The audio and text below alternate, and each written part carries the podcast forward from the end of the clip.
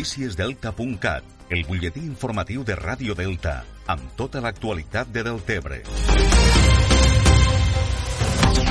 Avui divendres i de forma telemàtica a causa de l'estat d'alarma, la Confederació Hidrogràfica de l'Ebre ha celebrat un seminari de presentació pública de l'esquema de temes importants, un debat de participació pública per consensuar este document tècnic que és previ a l'esborrany del nou pla hidrològic de la Conca de l'Ebre 2021-2027. La plataforma en defensa de l'Ebre, que hi ha participat, ha demanat la implicació de les institucions i sectors econòmics del territori i aposta per crear un lobby ebrenc que aconsegueixi modificacions en esta legislació, una normativa normativa que parteix d'un document que nega la subsidiència del delta i rebutja retornar els sediments dels pantans al riu.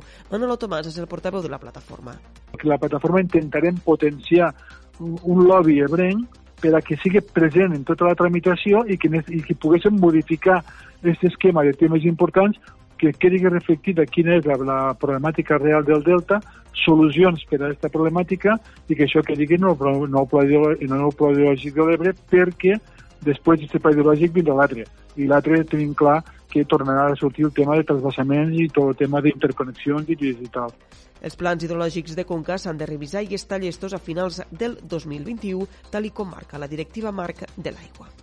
Més qüestions davant la intenció del Departament d'Educació de reprendre el curs escolar de forma telemàtica després de la Setmana Santa, el grup municipal d'Esquerra Republicana Amnes del Tebre ha demanat al govern municipal que es garanteixi que tots els alumnes de Deltebre puguen disposar de mitjans per seguir el curs amb igualtat de condicions. Els republicans demanen a la regidoria d'Ensenyament que, en contacte amb les direccions dels centres escolars, es puga concretar les mancances de dispositius i de connexió a internet i buscar les vies necessàries per dotar tot l'alumnat de les eines eines necessàries.